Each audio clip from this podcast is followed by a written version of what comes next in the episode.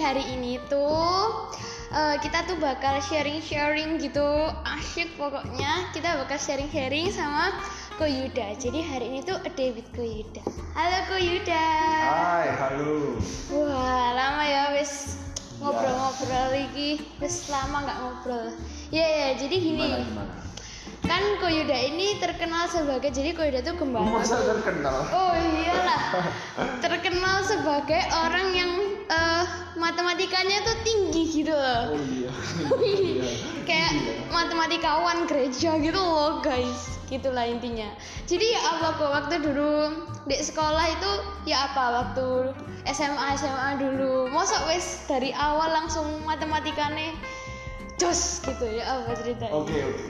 Kalau ngomong matematika, dikenalnya sebagai eh, pinter matematika gitu ya. Iya benar. Eh, gini, ya memang dari awal bahwa ini memang suka matematika dari kecil, dari Wih. kecil, dari kecil itu suka matematika Hmm. dari TK bisa kelihatan sih SD eh, les les les juga les sempoa, les eh, banyak juga juga matematikanya memang eh, dianugerahkan talenta di sana gitu ya Oke. dianugerahkan talenta eh, lebih tentang matematisnya itu eh, lebih kuat daripada hafalan. Nah kalau hafalan ini wis beda cerita kayak harus berjuang keras gitu. Oh, Nah, iya, kalau iya, matematika memang ya aku bersyukur sih eh, eh, dikasih talenta dan tiap orang kan memang punya talentanya beda-beda ya. Dan Benar, aku memang benar. menilai bahwa talenta logis matematisku itu cukup kuat dan mungkin baru sadarnya ya uh, sama akhir-akhir juga sih Oh, Ya, iya, iya. maksudnya kan kalau dulu kan nggak mikir talent apa yang apa yang disukai tapi kan Uh, uh, mulai uh. mikir oh iya ternyata ini juga salah satu talent uh, logis matematis itu juga kan salah satu talent dan puji Tuhan dikasih uh, di sana dan uh, bisa kenali juga dan uh, bisa eh, banyak explore juga. Oke, mantul-mantul. Terus ini tentang sekolah ini, cerita-cerita tentang sekolah waktu SMA gitu kan. Apa sih kayak cerita atau pengalaman yang paling berkesan, yang paling gak bisa lupa gitu waktu dulu-dulu itu? pengalaman SMA Uh, ya uh. banyak pengalaman Satu SMA. yang paling ih gitu loh. satu yang paling berkesan Heeh. uh, live in ya Uh, kan Wilda ini ikut pramuka ya Mm-mm. Ke pramuka dan itu banyak banget uh, pelajaran yang bisa diambil dan terutama waktu live in di mana kita tuh harus tahu kan ya Iya iya iya iya. di mana kita harus tinggal di uh, desa tanda Village kutip ya, gitu kan. ah, ya kan sedangkan uh, kita mungkin belum terbiasa di sana Iya, satu iya. cerita uh, Wida itu dapat rumah yang sebenarnya dibilang jelek ya sorry ya bilang jelek enggak juga Mm-mm. Uh, biasa menurut Biasa. Wida itu biasa Sederhana, gitu sederhana ya. Iya iya bersih benar-benar. sederhana ya, tapi kan rumah desa ya Mm-mm. tapi yang bikin uh, agak gimana itu ya karena kamar mandinya tuh harus jalan dulu Waduh. harus di luar gitu. jadi kamar mandinya tuh bener-bener kamar mandi umum dan di luar desa uh, itu jalan tuh sekitar 10 menit ya Waduh. turun ke bawah. Turun ke bawah ya. Nah, jalan 10 menit terus belum balik nah itu suatu hari itu ya itulah aku belum pipis jam 3 pagi gitu kan jadi kan oh ya ya harus ke sana jalan keluar Hmm, terus balik lagi Oke. ya itu sedikit apa ya oh ya ternyata masih ada kehidupan orang-orang yang di desa yang kayak desa. gitu Mm, mm, mm. Terus ya macam-macam sih teman-teman juga cerita kadangnya ada yang di WC-nya tuh ada WC di rumahnya tapi Heeh. kamar mandinya itu baknya itu ada ikannya. Waduh. Soalnya katanya itu untuk, untuk bukan lah, itu untuk membersihkan itu loh supaya nggak lumutan. Oh iya iya iya. Iya gitu Oh, bisa katanya. gitu ya, Ya tapi nggak tahu sih kenapa kok ada ikannya. Dan itu macam-macam belajar di sana tuh belajar pas sekolah pas itu mukuli batu karena uh, Wida dulu tinggalnya memang yang pekerjaannya tuh mukuli batu. Oh iya iya. mukuli batu itu Kayak tukang capek banget sih. Wih. Ngumpulin batu batu yang dari gede harus dipukul sampai hancur. Oh, iya, iya, iya. pecah itu agak, capek capek, ya capek banget. iya ya iya iya. di situ belajar tenaga ya tapi itu sih yang paling berkesan terus teman-teman juga ketemu banyak teman karena kan di sekolahku SMA eh, apa banyak dari berbagai macam suku gitu. Oh jadi iya kan iya iya iya bisa kenal banyak itu sih. Oke oke oke. Kayak multicultural gitu. Iya, iya, iya. iya iya iya. Bener bener bener. Bener bener. Terus tentang masa-masa sekolah ini dulu aku sering mendengar gitu ya eh Koyuda ini orang yang cukup berprestasi waktu sekolah. Gitu. Iya, bener kan? Kayak orang yang cukup bisa gitulah mempertahankan prestasinya. Itu ya apa ya kayak eh, kiat-kiat yang dilakukan waktu itu. Padahal kan sebenarnya masa SMA kan kayak masa yang bersenang-senang gitu ya bersukaria. Kok bisa waktu itu tuh eh, seimbang gitu loh? Masa bersenang-senang dan berprestasi itu seimbang.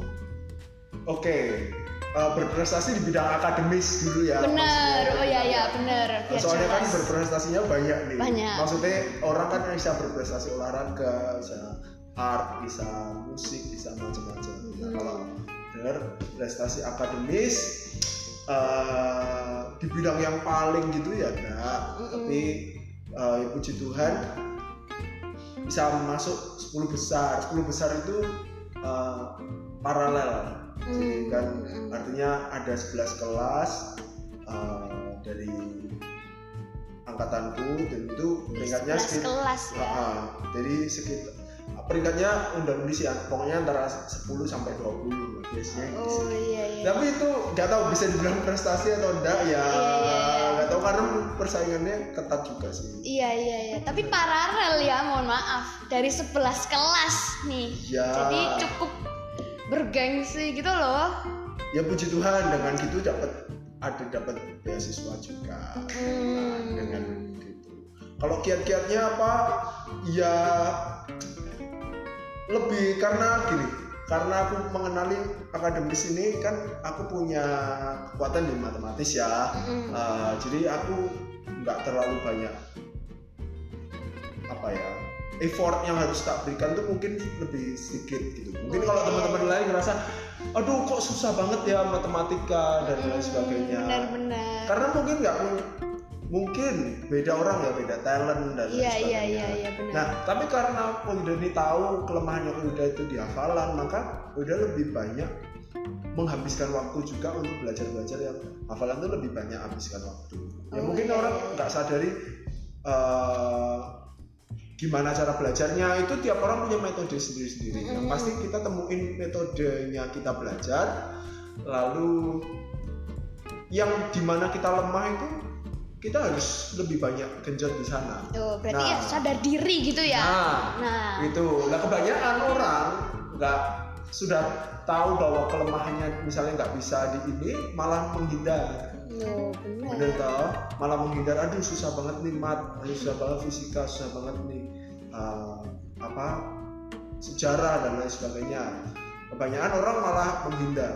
Mm-mm. padahal harusnya kita tahu kelemahan kita di mana kita uh, genjot lebih banyak di sana. Benar. menurut Koida sih itu. Memang memang lebih capek lebih banyak waktu yang dan tenaga yang terkuras. Tapi ya kan gini tolak ukurnya berprestasi itu harusnya bukan dengan orang lain gitu. Tapi seberapa kita bisa mengukur progres kita sendiri. Nah, mantul. nah kan kita ngomong oh kita dari misalkan matematika dapat 5 tapi kalau kita terus terus belajar akhirnya dapat 7 menurut Koida ya itu sebuah prestasi. Kalau misalkan kita ukurnya sama orang lain ya nggak fair juga karena kan ada orang yang talented di akademis ada orang yang talented di hafalan ada orang yang talented di olahraga ya. Ya dengan sistem yang sekarang sih memang cukup nggak fair gitu Hmm. ukur berprestasinya Hmm. tapi saran Koida sih Koida juga nggak mau uh, bandingin Koida sama orang lain juga gitu. Ya fokus aja dengan apa yang terbaik yang bisa Koida berikan. Makanya kalau Koida dapat 10 besar sih itu menurut Koida itu sebuah prestasi. Mm-mm. nggak tahu bagi orang lain ya tapi bagi Kuida itu sebuah prestasi juga sih.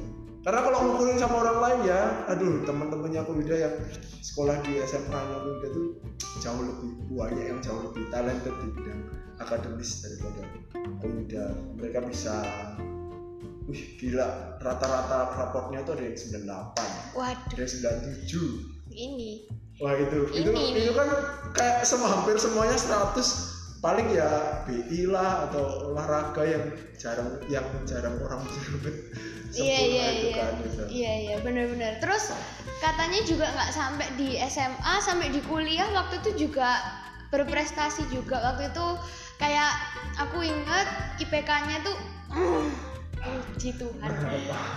Ngatasi langit. Ya waktu itu IPK-nya bagus pol. Ya apa ya cara cara kan ini wes beda ya levelnya. Dari Hmm. SMA naik ke kuliah gitu kan. Ya apa caranya? Soalnya kan kayak waduh masa-masa ini tuh kan harusnya susah ya. Kalau kuliah tuh lebih pertemanan luas terus ikut organisasi. Belum nanti siapa tahu ya atau sih nggak jomblo sih pacaran aduh waktu iki lo ya opo mengatur agak kesulitan katanya orang-orang tuh beranggapan gitu kok bisa sampai kuliah tuh mempertahankan Pertama karena Koida ambil jurusan yang ya memang Koida kuat di sana Sangat kan mendukung. matematika kan. ya ampun. Tapi kalau misalnya tips-tips kayak gitu ya, eh udah sih lebih refer ke SMA gitu ya. Maksudnya Hmm. untuk bisa jelasin kayak gitu. Ya orang mungkin lihat oh karena udah karena aku pinter nih makanya gampang aja. Lo enggak lo. Waktu SMA itu eh atau bahkan kuliah ya. Kalau kuliah tuh kuliah karena masuk mat jadi lebih mudah. Tapi kan SMA kan hampir semua pelajaran ya kita pelajari dan Hmm. kalau memang mau berprestasi di akademis kita harus semuanya tanda kutip ya semuanya harus bagus gitu. Nah di situ banyak orang mungkin nggak tahu uh, dan menilai aku Yuda ya karena pinter aja jadi nilainya bisa bagus-bagus. Enggak juga. Ada usaha di balik Oh. situ. ya Hmm. itu itu kuncinya di sana. Mm-mm. di mana aku udah habisin hampir setiap waktu setiap hari. Hampir ya nggak setiap hari juga hampir. Tidur tuh paling 4 jam. Waduh. Ini anak SMA ya ini ya? Iya iya iya. Ada usaha. jam. Kenapa? Karena uh, sibuk banget deh SMA itu. Uh, pelajaran osis uh, pelayanan uh, semuanya jalan gitu kan semuanya jalan. Uh, belum belajar dan banyak tugas dan ulangan. Uh, nah itu udah habiskan waktu itu di malam hari. Hmm. Nah, di malam hari ya yang banyak orang mungkin sudah tidur dan orang nggak tahu gimana effortnya. Capek nggak capek. Tapi udah rela tidur tuh udah jam 10 ya? Bangun jam 2 belajar tuh sampai pagi. Itu yang mungkin orang nggak tahu menilai oh ini orang ini pinter nih nggak pernah belajar tapi kok bisa dapat nilainya bagus terus. Padahal ya nggak gitu juga. Udah percaya orang yang pinter pun yang jenius pun ya jenius pun. Uh, memang di dalam satu pelajaran atau dua pelajaran mungkin dia nggak perlu belajar. Mungkin tapi kalau di pelajaran lain ya aku yakin dia pasti juga banyak waktu yang dihabiskan untuk belajar sih. Bener bener ya kan? Iya iya iya iya. Itu sih. Kalau kuliah ya karena matematika jadi lebih mudah buatku untuk menerima. Hmm, jadi iya, iya, lebih lebih enak sih. Nggak ada Belajar. sejarah di dalam Belajar. situ kan? Nah nggak ada PPKN sejarah. Eh ada nggak sih PPKN sekarang ada tapi ya paling awal gitu loh. Oh iya iya iya iya. iya gitu gitu. Oke oke Eh, habis ini kita akan ngobrol lebih lanjut tentang ya gitu hal-hal lain gitu kan. Terus habis itu ya pokoknya banyak pola yang akan kita bahas. Tapi sebelumnya kita akan break dulu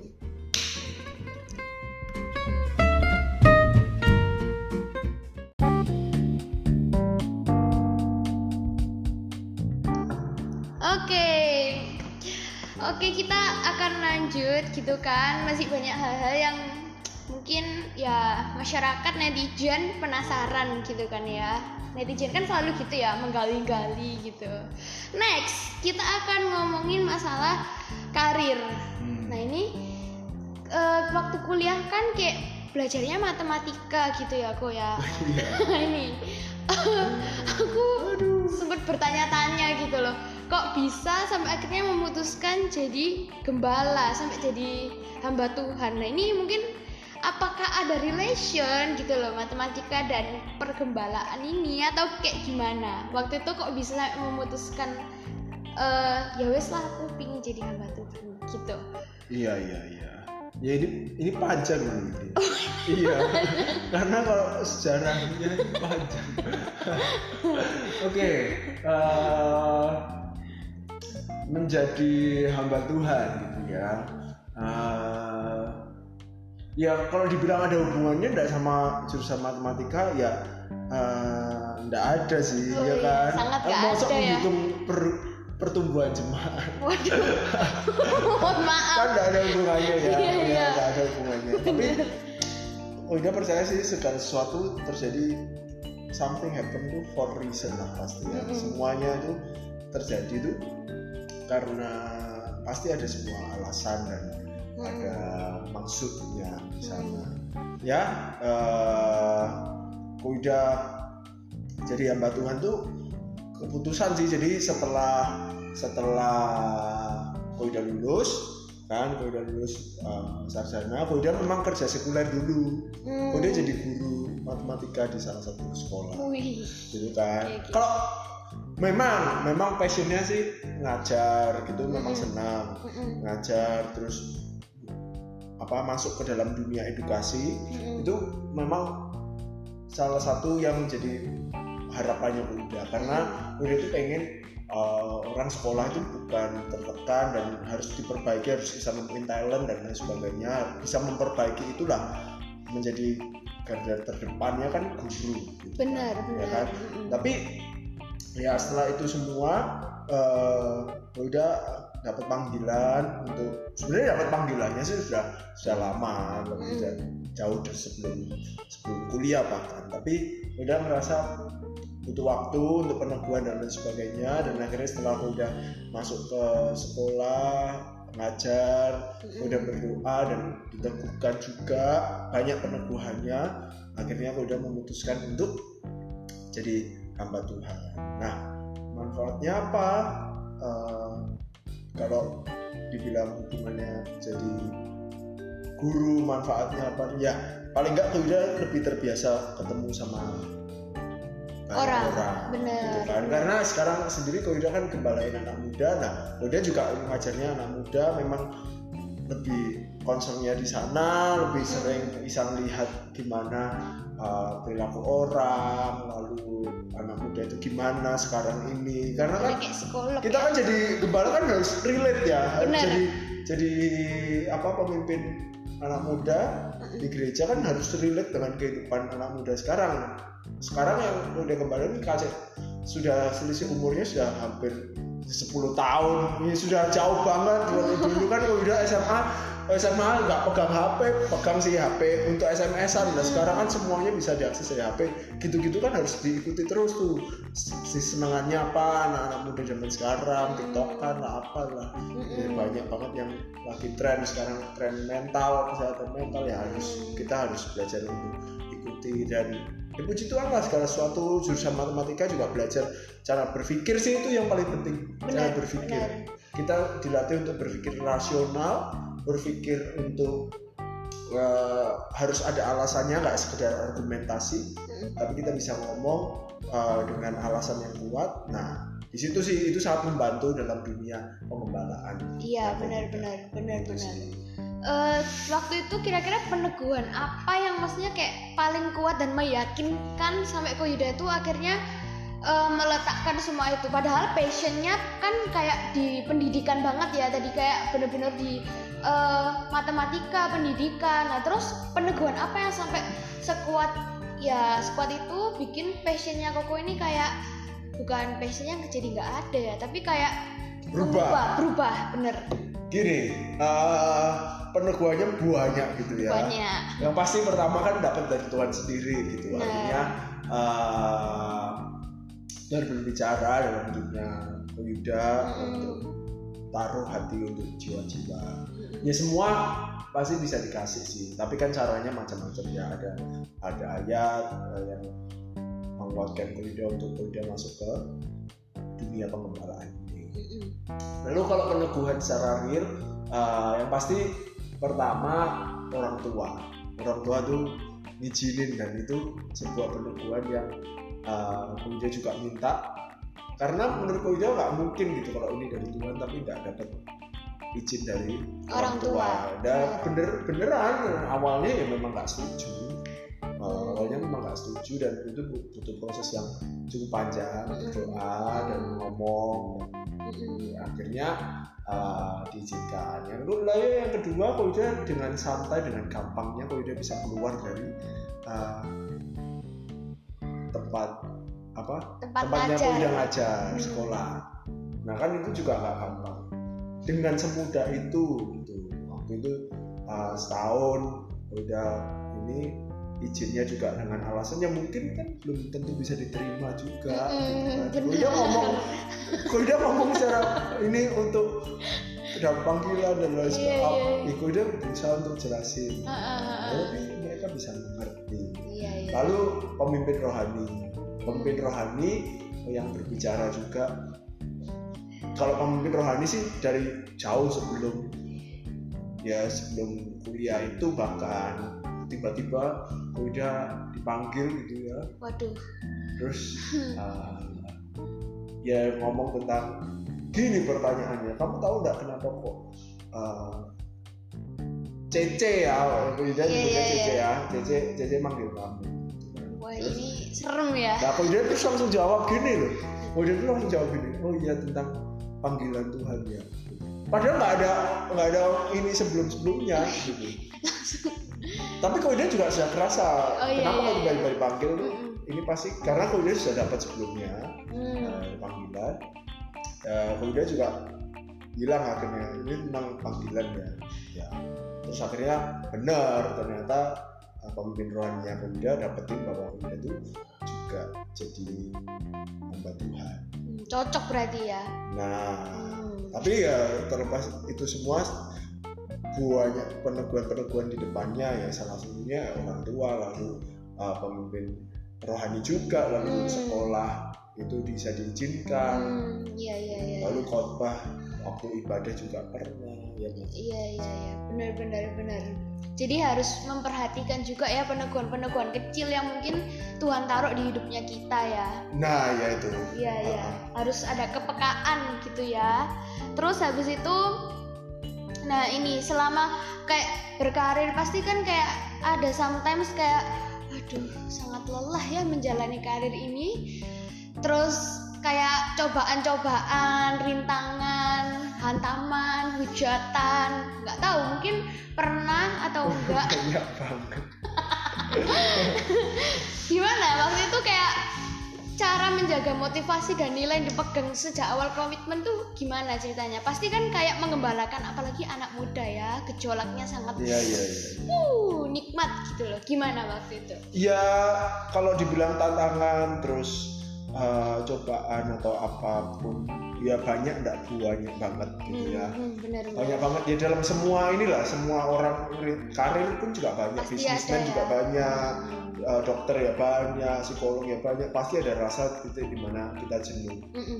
tapi yang membuat kita bisa kuat adalah di dalam setiap karir atau tidak ngomongnya panggilan ya Mm-mm. uh, adalah ya tanyain kenapa kok kita mau memulai ini semua Mm-mm.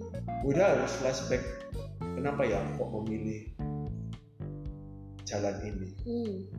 dan di situlah kita ketemuin kekuatannya kita dari Tuhan nah karena kalau lihat ke depan mungkin jalannya terjal banget nih Agak bergeronjol. A- atau yang kita alami sekarang lah omongan orang lah lalu masalah-masalah yang dihadapi lah. Ya, macam-macam lah ya yang di ini, ya tapi ya Koida terus ingatin kenapa kok Koida ingetin diri sendiri? Kenapa kok aku pernah memilih jalan ini untuk masuk ke situ? Mm-mm. dan jawabannya ya cuma karena Tuhan. Hmm. bukan karena orang lain bukan karena siapa-siapa gitu kan? Iya, jadi benar, benar. dalam semua karir lah kamu mau jadi apa pun ya dalam satu titik kamu mengalami jenuh pengen keluar dan lain sebagainya kamu coba pikirkan dulu aja kenapa kamu mulai karir itu benar benar benar. Apakah kamu lakuin itu karena apa alasan? Kalau aku aja sih karena Tuhan. Jadi orang lain mau keadaan apa? Ya mereka kan hanya sementara dan yang Koyuda masuki panggilan ini yang Koyuda apa ya untuk siapa Koyuda ada di sini ya untuk Tuhan. Bukan untuk menyenangkan semua orang karena nggak mungkin bisa. Bukan untuk karena hidupnya enak juga ya bukan. Ya cuma karena Tuhan. Koyuda terus ingatin itu ya akhirnya ya Koyuda bisa jalani itu. Benar benar. Nah masih passion apa pun ya misalnya kamu udah kamu passion apa ya psikolog gitu. Kamu nanti di satu titik juga akan menemukan titik jenuh masih kamu passion. Benar benar kamu akan pasti juga penat gitu.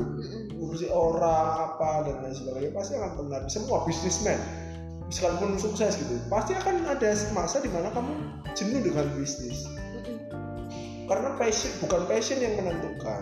Gitu ya ya iya passion berperan besar tapi eh, kembali lagi ke bagaimana endurance-nya kita ketahanan kita kita bisa mempertahankan passion itu apa alasannya kita ada di sana Hmm, benar benar banget. Jadi eh, alasan awal kita itu masuk itu benar-benar sesuatu yang penting. Oke, eh, next kita akan lanjut. Tapi sebelumnya kita juga break dulu.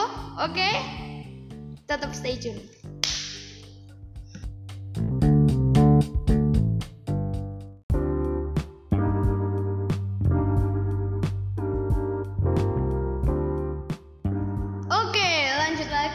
Jadi kita eh, sekarang terakhir nih, kita bakal ngomongin tentang relation. Kan kebanyakan orang tuh mikir ya kayak gembala itu masa sih punya temen gitu. Banyak mikir kayak gembala tuh pasti menghabiskan waktunya di dalam gereja, terus menerus gitu kan. Nah, eh, ada loh orang yang mikir gitu kan. Jadi eh, bener gak sih kayak gitu? Terus juga pasti kayak eh eh, masa selamanya gembala gak punya teman pasti gembala itu pernah ada dalam lingkungan pertemanan bahkan yang toksik sekalipun ya nggak Hmm. ya apa waktu itu cara menyikapinya itu gimana mungkin ya nggak nggak pas jadi gembala tok sih tapi ya sebelum sebelumnya mungkin apa gimana gitu Oke.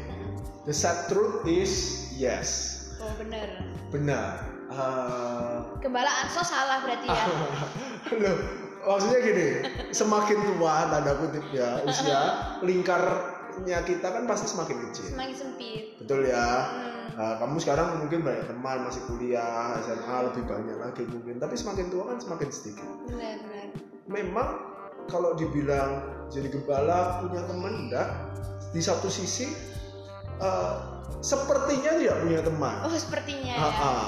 stigma Karena ini ya, ya benar bisa terus yes gitu karena memang eh, lebih ke karena kita cenderung menghabiskan banyak waktu di dunia pelayanan banyak banyak oh ya anak rohani ya kan untuk kalau misalnya ngomong teman yang benar-benar teman yang eh, apa ya best friend forever Ya, never gitu-gitu. ending Mm-mm. karena mungkin eh, apa ya obrolannya mungkin sudah beda nggak Iya. bisa uh, masuk lagi lalu uh, dunia kerjanya kan juga sudah beda.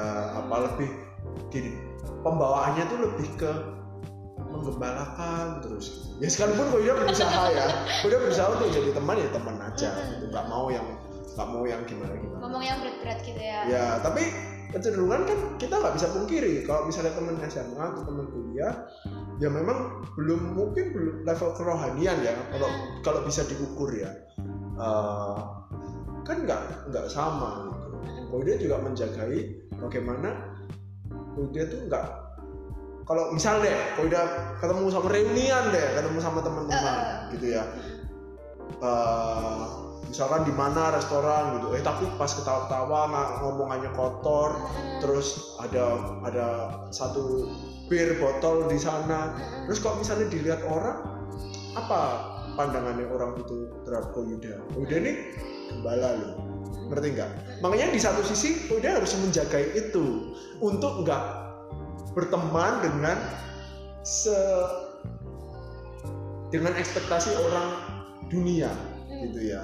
Tapi kalau dia uh, berteman kalau dia ngomong sama teman SMA sama teman kuliah juga uh, ada dan ya masih mau relation dengan mereka uh, masih chat juga sama mereka. Tapi tentunya nggak seintens itu ya. Kalau di sekarang ya otomatis temannya juga di dalam lingkungan gereja. Nah kalau ngomong tentang toxic relationship ya uh, toxic apa? Relation gitu ya sama teman gitu ya. Uh, ya ya ada sih. Pas dulu dulu ya mungkin ya ya, ya kan lingkungan nggak uh, bisa dipungkiri ya. Bisa dipilih. Ya gitu kan apalagi kalau udah anak pramuka. Lu bukan mendiskreditkan ya. Tapi gini orang pramuka kan cenderung lebih apa ya lebih uh, socialize. Lebih bener, orang itu lebih nggak kaku lebih uh, bisa berbaur sama semua orang lebih asik tanda kutip gitu kan. Ah, nah itu memang cenderung lebih juga lebih omongannya juga lebih tidak baik gitu kan lebih. Jadi ya mana pun lah ada gitu. Sampai yeah, yeah, yeah. Uh, kalau udah ada grup line uh, di grup itu uh, nah tapi kalau udah sam dalam titik poin tertentu kok udah akhirnya memutuskan untuk live uh, grup itu. Karena udah rasa omongannya sudah benar. Dan udah nggak bisa juga untuk melarang mereka ngomong begitu gitu ya dan Goida juga mau jagai diri Goida aja. Untuk nggak masuk ke dalam dunia itu lagi nah makanya kalau kalian mungkin sekarang ini dalam sebuah toxic apa ya toxic relation friendship, friendship uh, gitu lah ya. Ya, ya yang harus kalian lakukan adalah berani aja. Karena hidupmu itu bukan ditentuin dari teman. Berani aja untuk ngomong enggak berani untuk keluar ya sekalipun perasaannya ada peer pressure di mana orang tuh akan neken kamu ya. Tapi so what gitu at the end pada akhirnya kamu yang nentuin hidupmu sendiri bukan teman-temanmu ngerti? Jadi kan waktu kamu susah pun juga mungkin nanti ke depannya temenmu nggak akan ada di sana. Jadi so kalau misalnya kamu mengidentify lingkunganmu itu tidak baik temenmu berani aja untuk say no say no. belajar belajar untuk itu dulu lah untuk berkata tidak dulu. Mungkin nggak perlu yang live untuk yang benar-benar menarik ekstrim diri ya. gitu ya. ya belajarlah untuk kalau memang harus ada di sana uh, belajar untuk ngomong enggak aja. Orang nawari apa apa lalu ngajak apa ditekan gimana belajar untuk ngomong enggak aja. Iya iya benar-benar karena pergaulan yang buruk kan memang merusak kebiasaan yang baik ya. Dan ya, itu nggak gampang loh kalau udah ngomong gini ngomong enggak itu juga nggak mudah juga karena pasti ada tekanannya hmm. itu kemudian juga uh, belajar untuk itu dulu aja. Ya benar benar benar. Jadi nggak harus lewat langkah yang ekstrim ya kaget aku. Nah kalau itu ya kalau berani ambil resiko sih it's fine. Oh iya iya. Kalau uh, enggak ya better untuk belajar ngomong enggak bukan kita menjauh gini keluar dari itu kan bukan berarti kita tidak berteman sama mereka. Kita berteman. Kan pada semuanya itu kita berteman. Tapi sorry untuk hal-hal yang prinsip atau hal-hal yang lebih jauh. Bisa diganggu siapa yang bisa mempengaruhi hidupku yang bisa kasih saran ke aku yang bisa ini ya pastinya bukan mereka. Bener bener. Mantul banget. Jadi ini tuh emang sesuatu yang dari kemarin tuh banyak pemirsa ya netizen yang request tentang ini gitu. Ya ya terus ini di relation ini kita juga bahas ke relation pasangan hidup ya hmm. gitu nah ini yang topik hangat minta ampun. Ya karena pada umumnya makhluk hidup yang di area remaja kayak gini kan masih jomblo masih meraba-raba bingung gitu loh ya, dalam area ini gitu uh, gimana? Waktu itu kayak ceritanya perjalanannya tuh gimana? Dari ketemu terus kan teman-teman Koyoda tuh udah nggak jomblo ya for information aja. Jadi ya, ya. ketemunya gimana? Terus perjalanannya gimana waktu itu? Pasti kan ada kayak suka duka gitu loh. Gimana juga cara menghadapi itu? Kebanyakan anak muda sekarang tuh gini pokoknya gue nggak suka sama dia oke kita putus fine gitu banyak tuh kayak gitu lebih suka cowok-cowok yang ngerti sendiri lah ya yang modelnya cowok yang kayaknya yang rokokan tuh kayak keren banget gitu loh Iya, Iya, toh. sekarang trennya gitu ya. Yang Iya. bad boy itu yang dikagumi. Yang- Hmm, yang buka pintu padahal katanya menurut TikTok nih katanya cowok-cowok yang soft boy itu nggak gentle gitu ya. Menurut TikTok itu cowok-cowok yang soft boy itu gini loh kurang action Hmm. nah ya apa waktu itu Koyuda ini kan waktu itu bukan orang yang bad boy Masa sih? Iya iya. kelihatannya kan Semoga gitu ya. Iya. kelihatannya kelihatannya Dinilai begitu ya. dinilainya tuh soft boy gimana waktu itu kok sampai berhasil banget mengubahkan hati seorang wanita Duh, duh, duh, duh. Oke, jadi pertanyaannya apa ini? Banyak banget nih. banyak Oke. banget ya intinya Oke. kayak perjalanannya dulu deh Ketemunya kan SMA ya, sama-sama. Ya ketemunya di gereja juga. Nah, Nah, tips aja deh. Kalau mau cari yang bener ya carinya yang sekomunitas yang benar. aja. hmm, bener ya Ah, iyalah. Lalu kan, ya kan siapa yang kita temui itulah yang bisa some, someday bisa jadi pasangan kita, gitu bener kan. bener Sekarang rasanya udah jarang deh kalau misalnya ketemu di cinta pandangan pandangan pertama kalau waduh kalau di misalnya ketemu di stasiun atau ketemu di iya iya iya terminal gitu. Kalau Random kalau orang tua zaman soalnya. dulu mungkin masih masih sering, masih Oh, masih gitu ya? iya ya masih masih happen. Jadi kayak misalnya ke konser bareng atau ke mana ketemu lihat itu suka itu mungkin sekarang eh dulu masih relevan gitu ya masih bi- masih bisa tapi Ah. rasanya sekarang sudah enggak karena orang lebih individual yang pertama yang kedua kan orang lebih eh, apa ya milih eh, lebih educated lah Iya, jadi kan orang lebih menjaga diri sendiri dengan Ah. orang asing nggak tahu out of nowhere kenalan sama orang kan mungkin kalau setauku itu eh, lebih jarang sekarang Iya, iya. ya makanya cari yang ya di mana kamu komunitasmu gitu ya cari yang kalau misalnya memang mau cari pasangan ya cari yang uh, dari komunitas yang. Kalau perjalanan suka duka ya banyak banget ya perjalanan ini. Uh, selalu banyak banget gitu loh iyalah banyak banget ya intinya kalau kan gini orang pacaran macam-macam ya motivasinya ya Uh, ada yang karena nggak pengen sendiri ya kan males gitu loh atau sendirian. gengsi atau uh, teman-temannya sudah banyak loh yang tem yang iri Hmm. ya kan? Lihat teman-temannya Iya, iya, udah iya. pacaran. Mohon maaf sekarang di TikTok ah. gitu ya kan kan? Sekarang kan aduh Pamer pengen banget. keuangan gitu loh. Relationship goals apa. Padahal kan goals relationship kan beda-beda. Masing-masing Hmm. orang nggak bisa disamaratakan juga. Hmm. nah nah yang pasti kalau misalnya mau pacaran sih motivasinya harus bener dulu ya. Uh, untuk uh, sebuah relationship pacaran itu kan mengenal untuk uh, ya ke pernikahan tentunya. Kalau kalau alasannya ya karena suka lihat ini deh kalau alasannya karena suka atau karena nggak nggak betah sendiri atau karena iri karena orang lain pokoknya selain karena untuk uh, menikah Koyuda sih nggak yakin akan bisa bertahan sampai lama gitu. Karena dalam perjalanannya pasti akan semakin kelihatan gimana jeleknya buruknya belum apa kata orang kok orang tua. Macam-macam yang dihadapi up and downnya Mm-mm. Nah, kalau kita dasarnya nggak kuat atau motivasinya tuh itu ya dengan gampangnya mungkin akan kandas kandas gitu ya, akan ya udah deh kita putus aja. iya dengan mudah ya Ah, ah, mengatakan dengan mudah. Ya sekalipun ya mungkin ada kecewa, sakit hati apa tapi itu bisa keluar dengan mudah. bener bener bener apalagi waktu itu eh, sempat LDR bener nggak sih Ya, Koyuda kalau LDR ya. iya iya tapi bener waktu itu bener-bener kuat gitu loh maksudnya wih keren banget lama LDR tapi tetap jadi pasangan yang memotivasi orang lain itu berarti karena prinsipnya bener dulu ya Ya ya, perlu bangun dua K sih, komitmen sama komunikasi.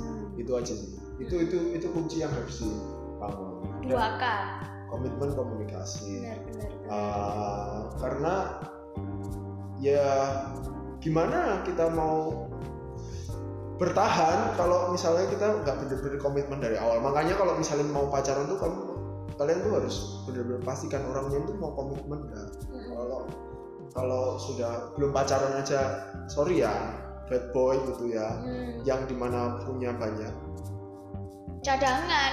Nah punya banyak gebetan atau di mana-mana. Sorry ya kalau menurutku sih better dipikirkan lagi deh. Karena kan kamu akan menikah loh someday sama orang kayak gitu. Kamu yakin dia kamu punya siapkah menjadi cadangan kesekian? Nah Nah, gitu itu. kan.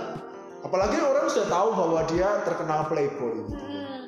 tapi kenapa orang mau macari ya? Kalau ngomong perat gini cinta tuh gak cukup untuk hanya perasaan masalahnya gitu kan ini ini Nah, kan denger kalau ngomong perasaan tuh gak ada habis-habisnya karena itu begitu subjektif gitu. Hmm. Ah, ya harus belajar ras- rasional Hmm. belajar rasional komitmennya gimana sama ya dapat dilihat dari friendshipnya atau jangan dinilai gini ini kita nilai orang ya itu jangan dari apa yang orang itu lakukan sama kita Hmm. Misalnya karena misalnya gini kita suka sama si A. Jangan nilai si A itu karena apa yang dia lakukan sama kita. Hmm. tapi nilailah si A itu dengan keluarganya gimana? Dengan teman-temannya gimana? Justru dengan hubungannya sama iya orang, orang lain ya ya. kalau orang si A nge-share kita atau suka sama kita ya pasti baik sama kita dan kita pasti nilai dia itu baik. Hmm. benar kan tapi lihatan gimana sama teman-temannya gimana sama keluarganya. Di situ kita bisa cek penentuannya di situ ya. Oke oke. Jadi gimana sama Tuhan juga penting. Benar-benar jadi Nah, penting ya 2K juga tadi. Banyak pola yang kita pelajari gitu ya. Secara kalau perjalanannya diceritakan panjang friends. Jadi tuh intinya kita hari ini berbagi prinsip-prinsip yang membangun gitu loh. Terus terakhir gitu kan? Panjang banget sabar ya teman-teman. Jadi gini eh, sekarang itu anak-anak muda itu lagi stuck di gimana cara survive di masa yang kayak gini dengan meskipun udah sekarang mencapai karir yang kayak gitu pendidikan yang kayak ya pokoknya hebat luar biasa tapi banyak dari mereka yang sekarang-sekarang ini kayak bener-bener berhenti kayak bener-bener aduh kayaknya nggak nggak ini deh nggak bisa deh gitu kan Hmm. karena covid gitu loh terutama juga buat pemilik bisnis hmm. Di masa-masa kayak gini. Eh, kira-kira menurutku Yuda apa sih yang kayak tips yang harus dilakukan kayak gitu untuk masa-masa kayak gini gitu? Dikit aja gitu. Oke, satu hal yang perlu dipelajari dari generasi sekarang, anak muda sekarang itu Wih, millennials. endurance, ketahanan. Uh, itu yang mungkin generasi kita tuh miss ya sama generasi di atas kita. Karena generasi kita tuh cenderung ser- serba instan, serba mudah. Makanya kena tantangan sedikit nyerah, kena problem sedikit mundur. Mm-mm. Gitu ya. Terlihat dari oh dia lihatin gitu banyak orang lamar kerja anak muda ya Mm-mm. tiga bulan keluar karena apa alasan nggak betah capek Mm-mm. bosnya galak atau nggak worth it sama gajinya Mm-mm. tiga bulan empat bulan dua bulan bahkan ada yang kemarin udah terima temennya udah rekrut baru tiga minggu kerja minta minta juga waduh kan itu itu endurance-nya anak muda sekarang itu yang harus belajar. Eh, makanya yang harus tipsnya apa untuk kita bisa ini dari sini adalah melihat melihat gambaran utuhnya gini bahwa segala sesuatu terjadi itu karena ada alasannya jangan sampai karena kita lihat tantangan sedikit kita menilai bahwa kita gagal Mm-mm. atau kita menilai bahwa ini, ini aku nggak bisa. Ketemu masalah sedikit kita nilai bahwa nggak deh kayaknya passionku bukan di sini. Atau aku nggak cocok deh di sini. Lebih ke kamu butuh waktu lebih untuk kamu tuh memperjuangkan apa yang sedang kamu kerjakan hari ini. Mm. kamu sekarang bangun bisnis ya kamu lihat sekarang uh, kayak gini oke.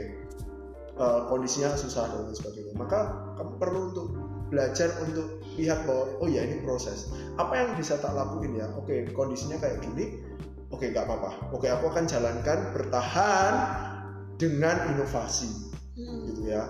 Tentunya uh, jangan quit cepet-cepet lah itulah intinya. Jangan quit jangan mundur dulu dengan dengan cepat. Jangan menyerah dengan cepat. Itu yang kunci kuncinya. Harus punya fighting spirit. Nah Hmm. itu loh itu.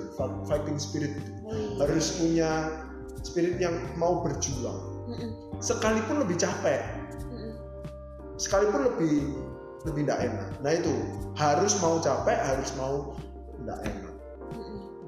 Oh, kalau bisa melewati ini akan lebih kita akan melihat gambaran utuhnya bahwa oh iya karena aku berhasil melewati ini maka aku bisa lebih kuat aku bisa lebih maju.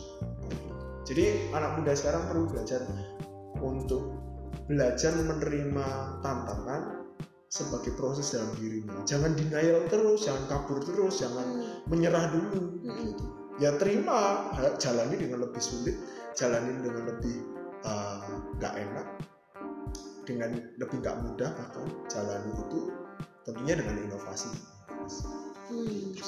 Benar benar benar. Jadi solusinya bukan keluar dari masalah ya, tapi Iya. bertahan. Nah, Iya, iya. harus dihadapi dihadapi Benar benar. tentunya dengan hikmat inovasi dihadapi jangan buru-buru gampang menyerah Benar Iya, benar benar benar benar. Jadi eh, buat kita hari ini penutupnya, jadi kita belajar di masa kayak gini juga gimana sih eh, caranya bertahan. Loh salah salah. Gimana caranya menghadapi masa-masa kayak gini? Ya bertahan gitu. Mm-mm. Oke, gitu aja eh, obrolan kita hari ini David Koyuda. Nanti buat teman-teman yang masih penasaran, ya gampang lah kita nanti bisa atur. Oke, see you. oke bye Thank you, Ko. Sama-sama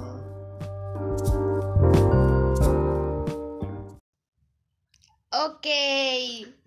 Annyeongche. Annyeong. Jadi hari ini guys, kita tuh lagi podcast sama Cevania. Nah, Cevania itu siapa? Cevania itu aku perkenalkan ya. Jadi Cevania itu em, pemilik bisnis gigit Malang. Jadi cookies-cookies di Malang yang cute-cute, banyak-banyak rasa. Nah, itu Cevan yang punya. Terus eh, hari ini kita tuh mau ngobrol ringan-ringan gitu sih tentang eh, how to start bisnis online. Kebanyakan kita kan sekarang kayak pingin mulai bisnis online tapi nggak tahu gimana caranya dan kayak ya banyak problem gitu loh. Terus kalau kita les, mohon maaf agak mahal ya saudara-saudara. Jadi kita bakal ngobrol sekarang gitu. Thank you C buat Iya, iya. waktunya hari ini. Oke, first kita mau ngobrol-ngobrol dulu nih kayak gimana sih kayak tercipta ide gitu loh untuk bikin Jijit Malang ini. Terus juga perjalanannya gimana buat sampai ke sekarang ini? Soalnya kan sekarang tuh bisnis bisnis online tuh kayak banyak pol gitu loh bisnisnya. Jadi persaingannya juga pasti ketat. Terus ide-idenya juga semua orang tambah kreatif gitu. Ya apa ya apa kok bisa sampai sekarang ini gitu. Oke, eh, kalau dibilang ya ide bisnisnya pertama ide bisnisnya tuh pertama dimulai dari iseng karena dimulai dari pingin coba-coba. Oke. Jadi eh, awalnya pingin coba-coba ya karena suka bikin kue, Mm-mm. terus pingin eh, at least pingin bikin sesu- bikin makanan itu yang nggak cuman enak tapi ada nilai gizinya. Nah selain Oke, itu oke. pingin juga bikin makanan yang harganya itu juga terjangkau. Biasanya kan mindset orang itu ya kalau enak mahal, kualitasnya tinggi. Tapi kalau kualitas rendah ya enaknya mungkin biasa-biasa, harganya murah. Nah Mm. aku tuh pingin eh, setidaknya adalah bikin sesuatu yang kualitasnya baik secara nutrisi juga baik tapi secara harga itu juga terjangkau supaya semua orang itu bisa bisa makan gitu nah Mm-mm. awalnya tuh cuman iseng-iseng karena eh, ya suka suka makan dessert suka makan cookies suka makan Mm. snack gitu terus akhirnya bikin-bikin awalnya eh, iseng-iseng bikin eh ternyata tertampal di sebuah pangsa pasar gitu jadi ada yang tertarik akhirnya ya udah mulailah terbentuklah dan terlaunching lah yang namanya gigit malam gitu. Hmm, mantul, mantul, mantul. Jadi tadi kan ngomong-ngomong tentang gizi gitu ya. Berarti ini ada backgroundnya juga ya. Maksudnya kan nggak semua orang bisa ngomong gizi toh. Misalnya orang kuliah apa kayak gitu tiba-tiba ngomong gizi kan nggak mungkin toh. Kuliah psikologi ngomong gizi, gizi mental, gizi apa? Nggak mungkin kayak ya. Jadi ya apa ini? Kok bisa sampai tercipta? Loh makanannya harus sehat. Gizinya seimbang. Ini kok bisa mikir gitu? Ada basic apa nih?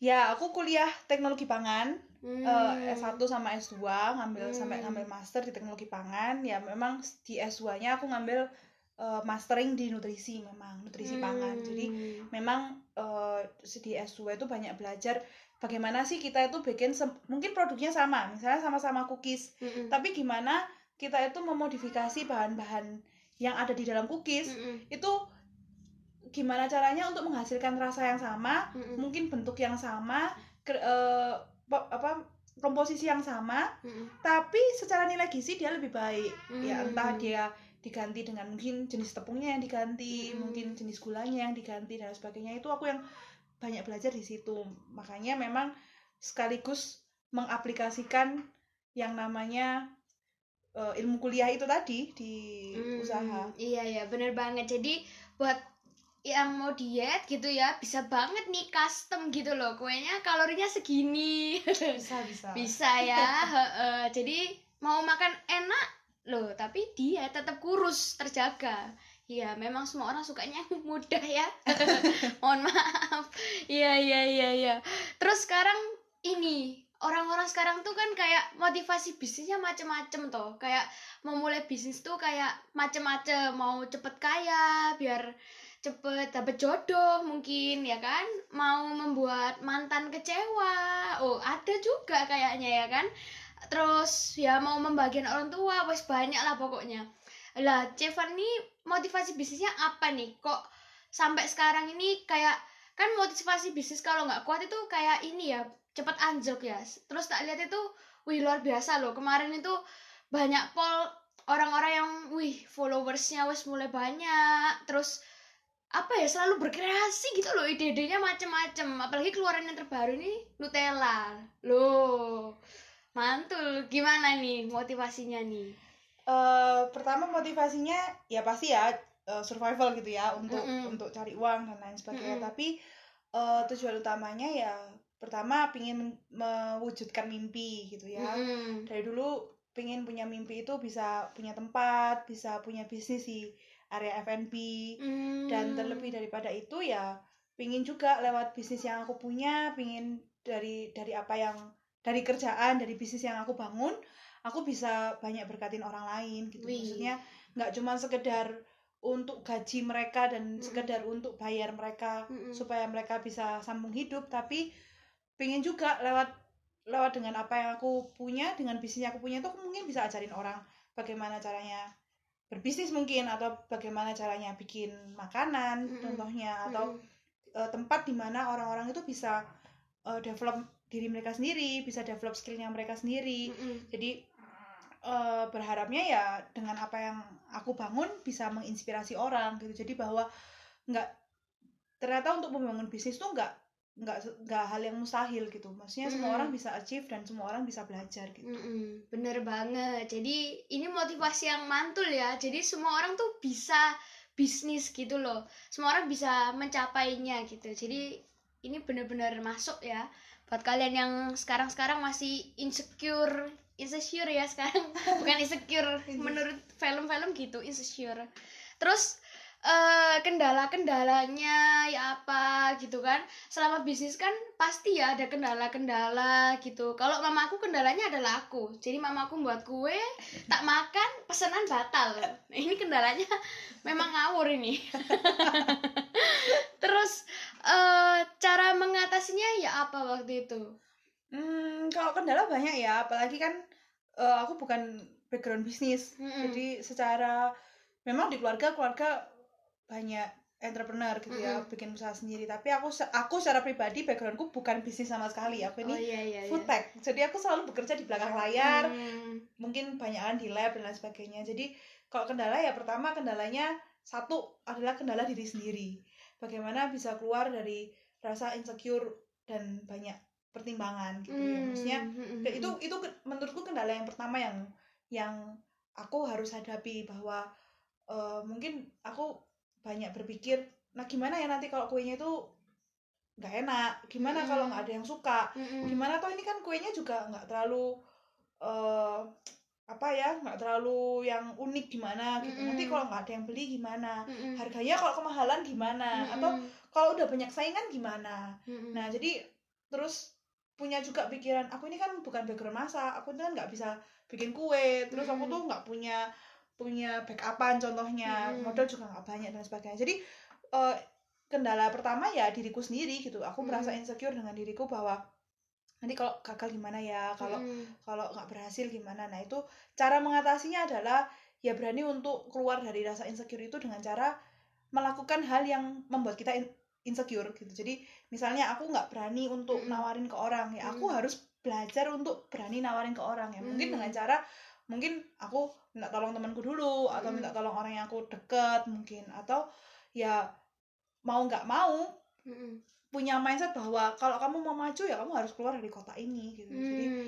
cari jadi itu. Yang kedua ya cara mengatasinya rasa insecure itu yang kedua ya kamu harus punya seseorang yang kamu sa- bisa bisa lean on gitu ya. Seseorang yang partner. partner lah ya. Mm-mm. maksudnya orang-orang yang selalu bisa ingetin kamu bahwa jangan nyerah ayo Hmm. ayo keluar dari rasa itu. Atau orang-orang yang bisa lihat dari sisi objektif bahwa ingat loh ini sudah area insecuremu. Ini loh sudah sudah titik area kamu jatuh jangan sampai kamu jatuh di sini. Mm-mm. jadi- supaya kita itu nggak goyang supaya kita tuh bisa bisa tetap naik gitu. Karena Mm-mm. semua orang ya pasti punya sisi insecure sendiri dan itu yang kita harus uh, battle on setiap waktu gitu ya. Jadi kita harus hadapi setiap waktu. Nah terus kalau kendala dari sisi bisnis ya ada lah ya. Pertama modal. Mm-mm. ya mulainya modal itu ya mulai mo- modal kalau dibilang modal aku mulai dari tabunganku sendiri gitu. Jadi Mm. dengan modal yang terbatas cara mengatasinya gimana? Ya harus pinter-pinter bagaimana kita mengolah harus kreatif. Pertama-pertama itu harus harus memulai dengan apa yang ada dulu di rumah gitu. Jadi Mm. eh, memulai dulu dengan apa yang kita punya. Soal uang ya mungkin bisa jadi kendala tapi bagiku uang itu masih bisa diusahakan dan eh, bisa di manage dengan baik sepanjang kita tuh bisa ngatur ke- keluar masuknya uang itu dengan baik gitu ya. Jadi Mm. kita spare berapa? Kita kita untuk misalnya untuk beli awal-awal kan aku masih pakai toples tuh Mm-mm. jadi gimana beli toples itu kira-kira berapa terus Mm-mm. untuk biaya stikernya berapa, kartunya berapa, pengiriman berapa, dan Hmm. lain sebagainya itu dihitung secara detail supaya Hmm. tidak ada yang meleset karena dengan uang terbatas kan kamu nggak mungkin toh Mm-mm. mengorbankan beberapa beberapa barang yang mungkin esensial gitu jadi harus ada pembukuan harus rinci harus Mm. detail gitu jadi benar-benar dihitung baru buat keputusan jadi cara mengatasinya ya jangan bikin keputusan tergesa-gesa oh karena karena butuh gini harus dihitung juga gitu untuk untuk kendala yang itu. Yang lain sih kendalanya mungkin kalau ngadepin komplain atau misalnya eh, peralatan terbatas ya. Aku awalnya mulai juga dengan peralatan terbatas kendalanya nggak punya mixer tuh dulu. Oh, kompor iya. juga eh oven juga ya cuman bisa kecil ovennya. Nah mungkin kendala yang utama adalah mixer gitu. Apalagi Hmm. kuenya butuh mixer dulu aku Hmm. cuma punya whisk.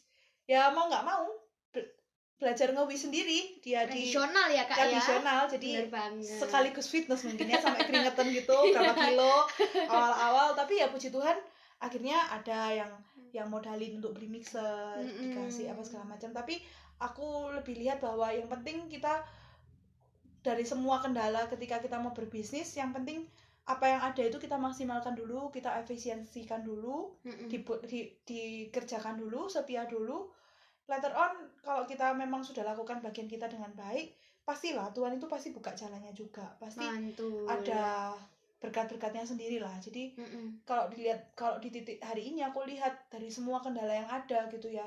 Ketika aku mau setia aja lakuin bagianku ya bukan berarti ya udah gini-gini aja diterima pasrah. Enggak. Tapi tetap melakukan yang terbaik tetap ber- menjadi kreatif itu juga penting gitu ya Mm-mm. bagaimana kita itu Mm-mm. oke nggak ada mixer ya udah pakai whisk Mm-mm. oke nggak ada ini ya pakai ini pakai Mm-mm. oke oke nggak ada bahan ini ya bagaimana caranya supaya kita tuh tetap bisa maksimal tapi dengan apa yang ada dulu gitu jadi Mm-mm. harus bisa kreatif juga aku lihat banyak kok penyertaan Tuhan dan berkat-berkat Tuhan yang ditambahin sampai hari ini gitu Mantul. Ingat ya guys, tabungan sendiri ya, bukan tabungan tetangga, tabungan siapa, tolong ya. Terus bener banget pembukuan ya. Kadang itu sering miss gitu loh. Kita tuh kayak wes males lah wes pokoknya waduh tepungnya habis. Oke, langsung aja kita ini ya. Jadi kita harus punya pembukuan terus secara rinci karena diingat lagi ini tabungan sendiri dan terbatas gitu. Jadi pasti awal memulai itu selalu terbatas gitu loh. Ya. Makanya manfaatkan apa yang ada. Mantul. Setia nanti Tuhan tambahkan. betul Fania 2020. Asik. Oke, terus eh, selama kendala-kendala ini gitu kan pernah nggak sih kayak ada di titik terendah yang bener-bener kayak ya ampun gimana ya?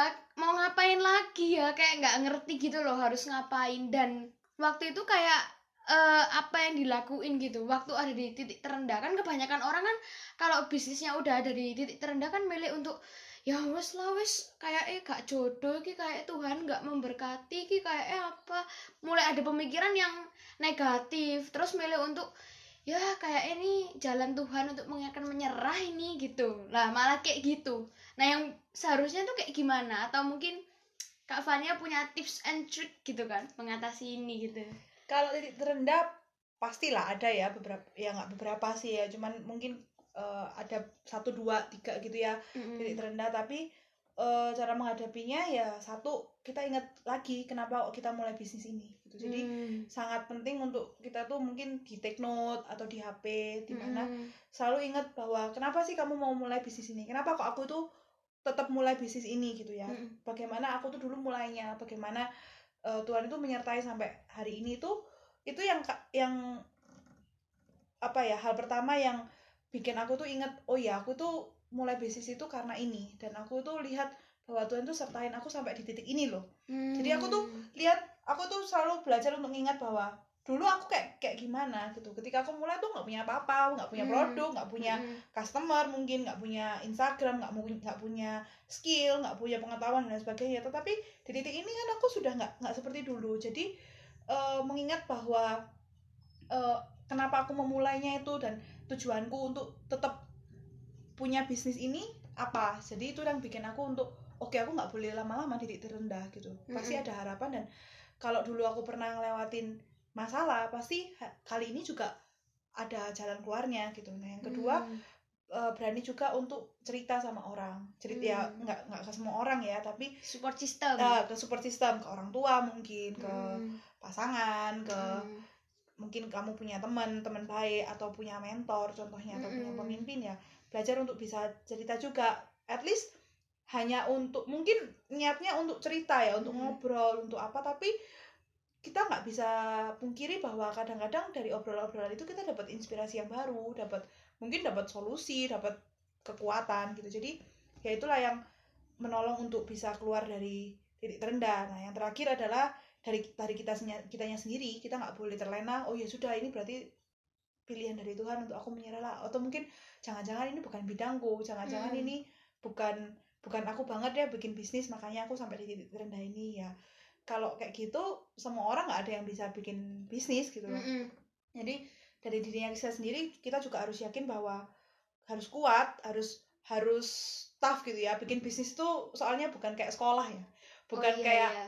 Bukan kayak kuliah juga gitu Mm-mm. bukan bukan bukan mainan jadi eh, kalau orang orang itu di luar itu ada quotes-nya entrepreneur entrepreneurship is a lonely journey jadi eh, membuka bisnis itu adalah perjalanan yang lonely gitu sendiri ya ya kalau dibilang benar ada benernya karena ketika kita buka bisnis ya ide-ide kita sendiri kerja-kerja sendiri Mm. mikir-mikir sendiri marketing sendiri mungkin untuk perintisan awal kan gitu Mm-mm. tetapi mm, kalau misalnya kita bisa lihat siapa diri kita nanti ketika kita sudah berhasil nah itu yang bisa jadi motivasi kita untuk oh ya aku nggak boleh nggak boleh merasa gagal aku nggak Hmm, boleh bener-bener. merasa bahwa ini bukan bidangku atau nggak boleh buru-buru menyerah gitu jadi Hmm. ya itu tiga itu tadi sih tipsnya Hmm, mantul banget. Jadi penting ya untuk kayak inget-inget sebelumnya ada masalah berhasil gitu kan. Kali ini pasti bisa berhasil terus. Ingat gimana dulu awal memulai ya apa motivasinya. Bener banget. Jadi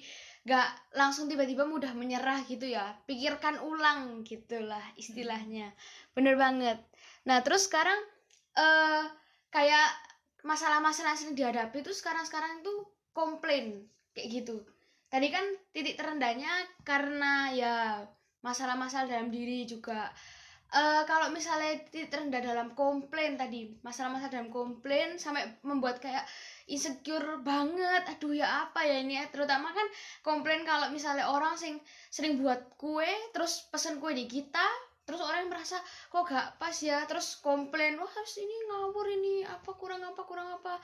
Ya apa waktu itu eh, cara mengatasinya. Pernah nggak ada di titik terendah itu kira-kira C ada ada. Ya ada lah. Pasti ada orang-orang yang komplain misalnya kuenya kok nggak enak kok rasanya aneh kok rasanya berubah dari yang kemarin aku pesen mungkin yang Hmm. bisa repeat order kan gitu kok rasanya berubah sih gini-gini padahal Mm-mm. resepnya juga sama gitu atau Mm-mm. mungkin caranya caranya bikin juga sama Habis tapi makan ikan asin mungkin ya terus habis itu Ubah. kok kok rasanya gak enak sih kayak gini-gini atau yang soft cookies kan biasanya ini kok kue melempem banget gitu jadi kayak wah tuh kok kok out of the ini ya keluar banget gitu tapi Iya, iya, iya, iya. eh, cara menghadapinya ya satu kita lihat dulu permasalahannya di mana gitu kalau Mm-mm. misalnya contoh soft cookies banyak yang komplain ini kok kuenya melempem ya kok kuenya empuk banget gitu ya Hmm, terlalu kok, empuk kok, eh, eh, atau Mm. jangan-jangan gak mateng lagi ini Mm-mm. jangan-jangan adonan yang nggak di nggak di bake apa segala macam ya cara mengatasinya ya kita kita kategorikan dulu itu komplain apa titik-titiknya gimana maksudnya apakah karena memang mereka kurang diedukasi Mm-mm. atau karena memang produknya yang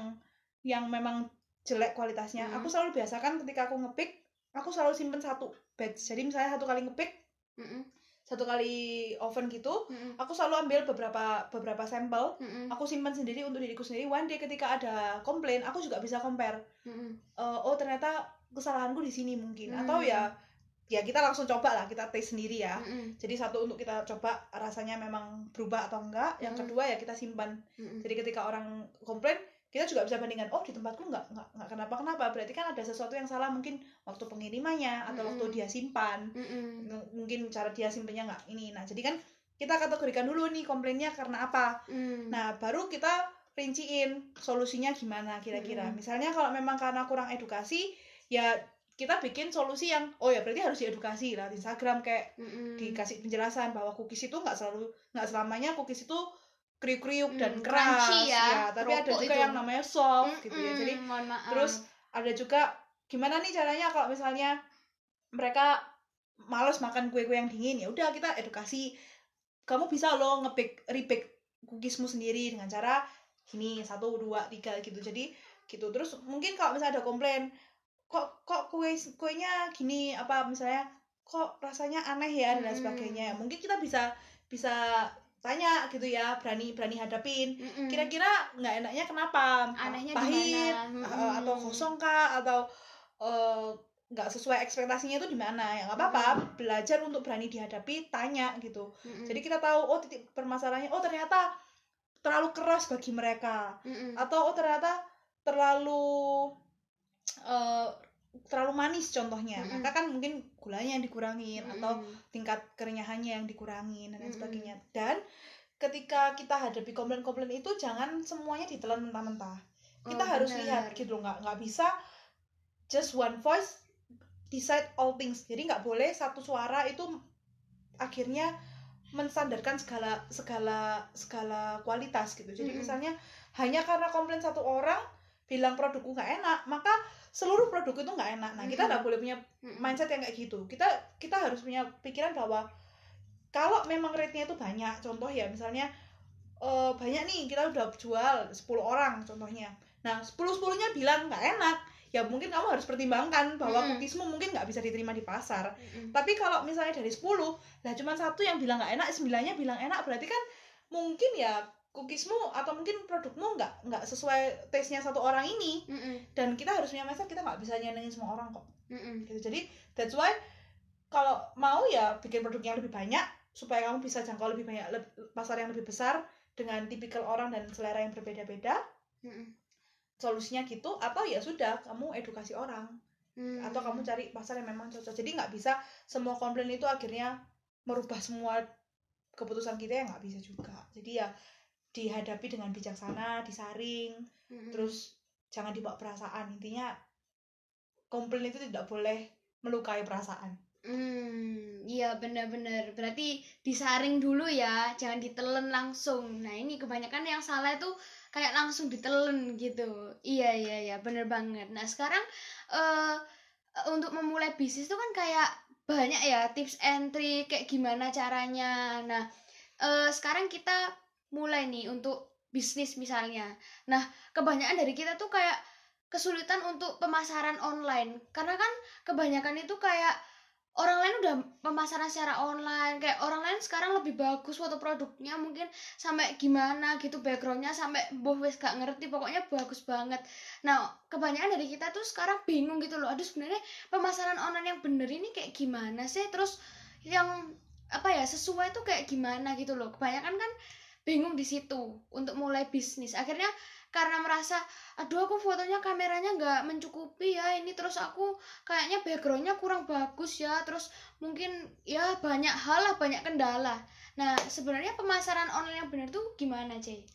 kalau ngomong soal bener mungkin nggak ada bener salah ya. Karena Mm-mm. kan setiap orang punya caranya sendiri untuk marketing ya untuk mar- untuk untuk menarik marketnya mereka sendiri sendiri bener banget. Tetapi ya itu nggak boleh terbat kita nggak boleh mengkotakkan diri kita sendiri karena keterbatasan keterbatasan yang kita punya misalnya Mm-mm. oh kameraku jelek dan sebagainya well kamu bisa cari solusi yang lain kita harus Mm-mm. bisa kreatif untuk uh, memasarkan produknya kita gitu Mm-mm. jadi misalnya oh aku punya temen yang pintar foto mungkin aku bisa nggak tolong dia dulu Mm. atau aku ter- aku punya temen yang pintar ngomong pintar komentar pintar Mm-mm. apa ya tolong dia dulu lah gitu jadi Buat endorse ya ya, jadi Mm-mm. Lebih apa ya lebih memaksimalkan ya itu tadi memaksimalkan apa yang kita punya menjadi kreatif supaya kita bisa market online yang kedua yang yang selanjutnya mungkin yang harus dipikirkan bagaimana kita mau brand kita itu dikenal contohnya Hmm. ya aku mau brandku itu dikenal dengan dengan mood yang ceria yang Hmm. hype yang retro contohnya dan Hmm. sebagainya maka di keseluruhan produkmu di, di, di bagaimana cara kamu menawarkan produkmu bagaimana Hmm. kamu itu mungkin build your Instagram feed Mm-mm. itu ya semuanya kan merepresentasikan eh idemu tadi misalnya aku pengen yang retro pengen yang warna-warni pengen yang ceria maka kan dari Instagramnya harus yang ceria juga Mm-mm, terus dari mm-mm. caption captionnya juga harus caption caption yang ceria dan lain Mm-mm. sebagainya atau kamu pengen eh pengen pengen pengen punya brand yang oh nggak nggak mau deh elegan aja yang vintage vintage aja ya maka kan Mm-mm. Dari semua fitnya kan harus yang mengarah ke sana harus senada gitu Iya, dari iya, packagingnya iya. juga senada kemudian dari cara kamu promoin mungkin jadi harus senada semua jadi marketing yang baik menurutku ya satu marketing yang konsisten kemudian yang kedua yang bisa menjawab kebutuhan pasar juga Mm. kalau kamu tidak bisa menjawab kebutuhan pasar ya nggak mungkin ada orang mau beli karena mereka merasa nggak butuh Mm. aku nggak butuh produknya buat apa aku beli gitu jadi Mm-mm. harus berinovasi bagaimana kita tuh menawarkan produk yang dimulai dari mereka pasar butuh apa sih maka aku menjadi jawaban untuk untuk pasar gitu. Mm-mm. Mm-mm, ya apa? Terus taunya pasar butuh apa? Kebanyakan kita kan kayak bingung ya sampai ini eh, pasar ini sukanya apa ya? Jenis apa ya? Kue yang disukai pasar ini gimana? Kan kebanyakan kayak bingung menentukan gitu loh. Orang-orang ini kira-kira mau apa enggak ya gitu. Itu gimana? Maksudnya perlu apa supaya kita tuh bisa tahu nih pangsa pasarnya gimana? Satu mungkin butuh referensi. Nah, Mm-mm. yang pasti ya butuh referensi gitu riset ya. Ya riset kita lihat kira-kira yang hari-hari ini trending itu apa gitu. Mm-mm. yang kedua eh berani coba. Ya berani kita kita harus berani coba untuk berinovasi. Nggak menurutku nggak ada salahnya ketika kita launch mungkin nggak launch ya. Sebelum kita launching produk kita trial and error dulu. Kita coba Hmm. produknya ini kira-kira bikin lah. Ya awalnya anggapannya berani rugi gitu. Jadi kita bikin produk contohnya terus kita sebarkan ke orang-orang. Tester. Tester Mm-mm. gimana bagi mereka apa feedbacknya? Mm-mm. oh nggak suka. Terus tanya aja kalau misalnya ini dijual menurutmu gimana? Mm-mm. apa? Jadi kan dari situ kita juga bisa lihat oh ternyata ada chance nih untuk bisa dimasukkan ke pasar kira-kira Mm. dengan produk yang seperti ini orang masih mau beli dan lain sebagainya jadi eh, dari dari dua itu sih untuk tahu kira-kira cocok atau enggaknya di pasar itu ya yaitu trial and error riset gitu cari referensi terus mungkin ya cari ide-ide ya harus buka wawasan lah ya mungkin harus Mm-mm, mm-mm. mungkin baca berita atau sosial media Mm-mm. dan ba- baca baca apa berita buku gitu jadi banyak ngobrol sama orang juga kira-kira yang jadi kebutuhan pasar itu apa Hmm, bener banget. Jadi apa ya perlu memang sedikit usaha ya kawan-kawan. Jangan takut untuk rugi di awal karena kalau eh, nggak mau rugi ya ini susah ya. Ini bukan bisnis namanya ya penelitian gitu. kalau nggak mau rugi, jadi memang agak ribet gitu ya untuk awal-awal harus menyesuaikan. Terus untuk eh, kita branding produk. Tadi udah dijelasin juga ya masa kalau mau retro ya postingannya retro semua. Jangan retro terus campur apa semuanya dimasuk. No pokoknya ada yang penting postingan. Nah itu kayaknya nggak mungkin ya kita kayak gitu ya benar banget. Terus juga tadi dijelasin juga personal brandingnya itu harus dari segi kemasan semuanya harus ini ya sama ya. Berarti kemasan stiker dan lain-lain. Mungkin ada lagi nggak nih kira-kira C tips untuk personal branding produknya ini atau mungkin produk bisnisnya ini harus dibawa ke arah mana itu gimana ini tipsnya? uh, yang ya ada sih tipsnya tipsnya yang yang paling utama adalah kita harus berani untuk selalu catch up dengan dengan apa yang ada di di di pasar yang kita itu masukin gitu ya. Hmm. Contohnya kalau kamu uh, pangsa pasarnya di anak milenial, hmm. maka kamu harus bisa fit in into the trend anak milenial tuh kayak mm. gimana sih mm. atau generasi Z itu gimana sih atau mm. gimana caranya untuk engage dengan mereka mm. bagaimana untuk mm. bagaimana untuk membangun rasa percaya mereka kepada suatu produk itu gimana gitu ya mm. nah yang kedua gimana caranya untuk bisa brand yang baik adalah harus berani untuk naik ke level yang mungkin sifatnya administratif negara ya mm. buat izin contohnya atau mm. uh, berani untuk hitung kalori contohnya hmm. untuk diet dan lain sebagainya jadi branding branding yang memang kuat banget kamu pingin kita nggak bisa gini kita nggak bisa nggak boleh serakah juga ya aku hmm. pinginnya yang pokoknya the very perfect one itu nggak bisa hmm. tapi uh, buatlah uh, putuskan satu brand yang kamu tuh pengen dikenal itu sebagai brand yang apa gitu. jadi hmm. aku pengen dikenal sebagai brand yang kalau misalnya happy ya mereka ingetnya produkku hmm. atau misalnya contohnya gini pokoknya kalau segala sesuatu dengan kecantikan ingatnya produkku deh hmm. nah dari dari situ kamu mulai dimulai dari sana maka kamu harus bangun brand bahwa apa produknya itu misalnya contohnya sabun cuci muka atau hmm. masker dan lain sebagainya maka dari keseluruhan dari keseluruhan packaging contohnya ya kamu mungkin kan kamu jualan masker tapi di kantong plastik yang warnanya hitam Duh, gitu kan? agak menakutkan uh, ya. agak jelek kan? Jadi iya. atau stikernya yang stiker-stiker tengkorak gitu kan nggak mungkin. jadi